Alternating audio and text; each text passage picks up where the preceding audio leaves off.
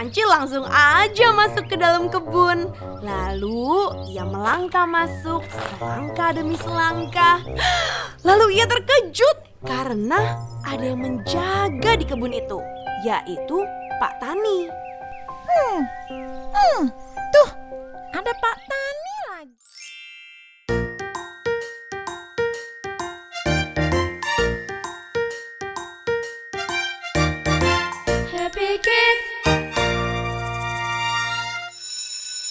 Ada yang ingat teman kita kancil yang memberi saran pada burung merpati? Ingat! Ingat! Kali ini gantian si kancil yang ada dalam masalah. Ya. Kok gitu? Gimana dong? Tapi karena kancil ini cerdik, ada saja akalnya untuk menyelesaikan masalahnya. Begini nih ceritanya. Hari itu ada seekor kancil yang berlari dengan cepat setelah ia berhasil melarikan diri dari terkaman harimau. Di tengah perjalanan, oh dia merasa sangat kelelahan dan juga kelaparan. Lalu ia melihat sebuah kebun sayur-sayuran. Tanaman di kebun itu sangat subur. Kancil langsung aja masuk ke dalam kebun. Lalu ia melangkah masuk selangkah demi selangkah. Lalu ia terkejut karena ada yang menjaga di kebun itu, yaitu Pak Tani. Hmm, hmm, tuh ada Pak Tani lagi. Kancil pun langsung kembali ke dalam hutan. Ia berniat untuk kembali ke kebun jika matahari sudah tidak ada. Menjelang senja, ia datang kembali. Pak Tani sama sekali tak sadar bahwa kebunnya sudah dimasuki oleh kancil. Setelah Pak Tani pergi dan tidak kelihatan lagi, kancil langsung menggali lubang di bawah pagar. Ia pun dengan lahap memakan sayur-sayuran yang sangat segar. Termasuk, ada yang tahu nggak buah apa kesukaan kancil? Betul, termasuk buah mentimun muda kesukaannya itu. Setelah kancil kenyang, ia meninggalkan kebun. Tapi keesokan harinya ia berniat untuk datang lagi lewat lubang yang sama. Karena mentimun kesukaannya itu segar banget. Sebelumnya Pak Tani tidak menyadari bahwa setiap hari Kancil datang untuk mencuri sayur-sayuran dan buah mentimun. Tapi setelah satu minggu, setelah berapa lama? Betul, setelah satu minggu, akhirnya Pak Tani mulai sadar. Kok sayuran dan buah mentimunnya banyak yang rusak ya? Pasti ini ulah si kancil. Nakal sekali ia. Berani merusak kebunku. Jika aku dapat menemukanmu, akan aku langsung hukum kau kancil. Beberapa saat kemudian, Pak Tani menemukan lubang di bawah pagar, yaitu tempat si kancil masuk ke dalam kebunnya. Nah, ini dia lubangnya. Pak Tani segera menggali lubang yang sama percis tepat di samping lubang yang kancil buat itu. Namun, lubang tersebut ditutupi dengan potongan kayu kecil dan dedaunan. Lubang yang baru dibuat Pak Tani ternyata sebuah perangkap untuk dapat menangkap si kancil. Pak Tani sudah berjaga-jaga nih.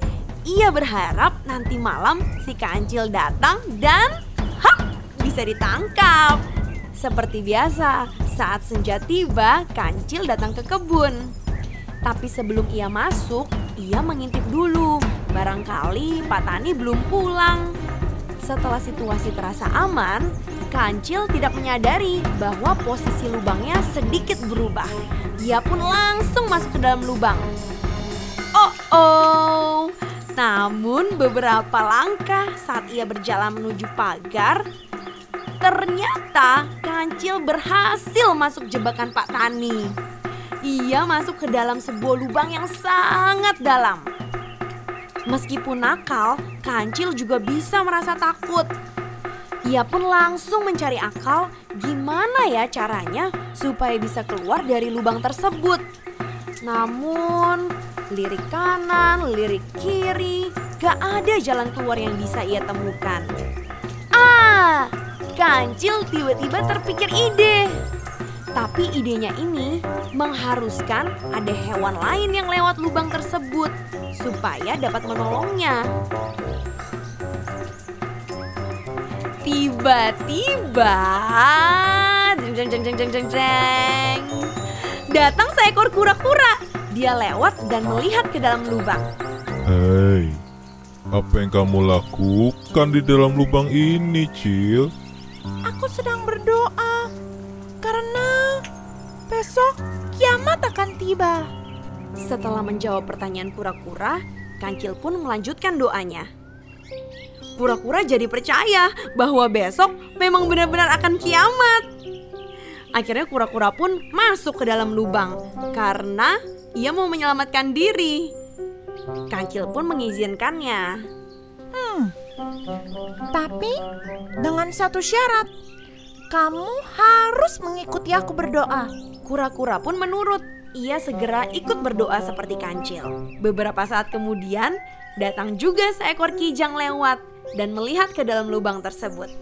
Kijang pun langsung menghampiri. Tidak lama kemudian, datang juga seekor babi hutan. Ia juga terpengaruh dengan apa yang dikatakan si kancil bahwa besok akan apa? Kiamat. Setelah babi hutan masuk, datang juga rusa.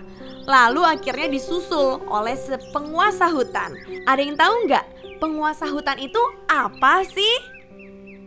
Betul, sebut sama-sama ya. Satu, dua, tiga. Harimau. Harimau pun segera masuk ke dalam hutan. Hmm, kita harus terus berdoa agar besok dapat selamat. Setuju. Mereka pun berdoa semalam-malaman. Sampai esok paginya terciumlah bau kentut di antara mereka. Ups. Hmm, siapa yang kentut? Mereka hanya saling pandang dan saling curiga. Kelima binatang tersebut sedikit marah karena ternyata yang kentut adalah kancil sendiri. Tanpa disangka, harimau sangat marah. Wow, dasar hewan kecil. Yang lain dilarang kentut, tapi kamu sendiri yang kentut. Hmm, maafkan saya harimau. Karena harimau sangat marah, ia langsung melemparkan kancil keluar dari lubang. Tapi itulah yang dimaui si kancil. Setelah ia keluar dari lubang, ia pun sangat senang. Yipi, yipi. Terima kasih teman-teman. Aku selamat dari jebakan Pak Tani. Dasar kancil! Dasar licik. Maafkan aku teman-teman. Tapi akhirnya aku keluar juga dari jebakan ini. Karena takut salah satu dari binatang tersebut ada yang lolos, kancil langsung berlari dengan sangat cepat.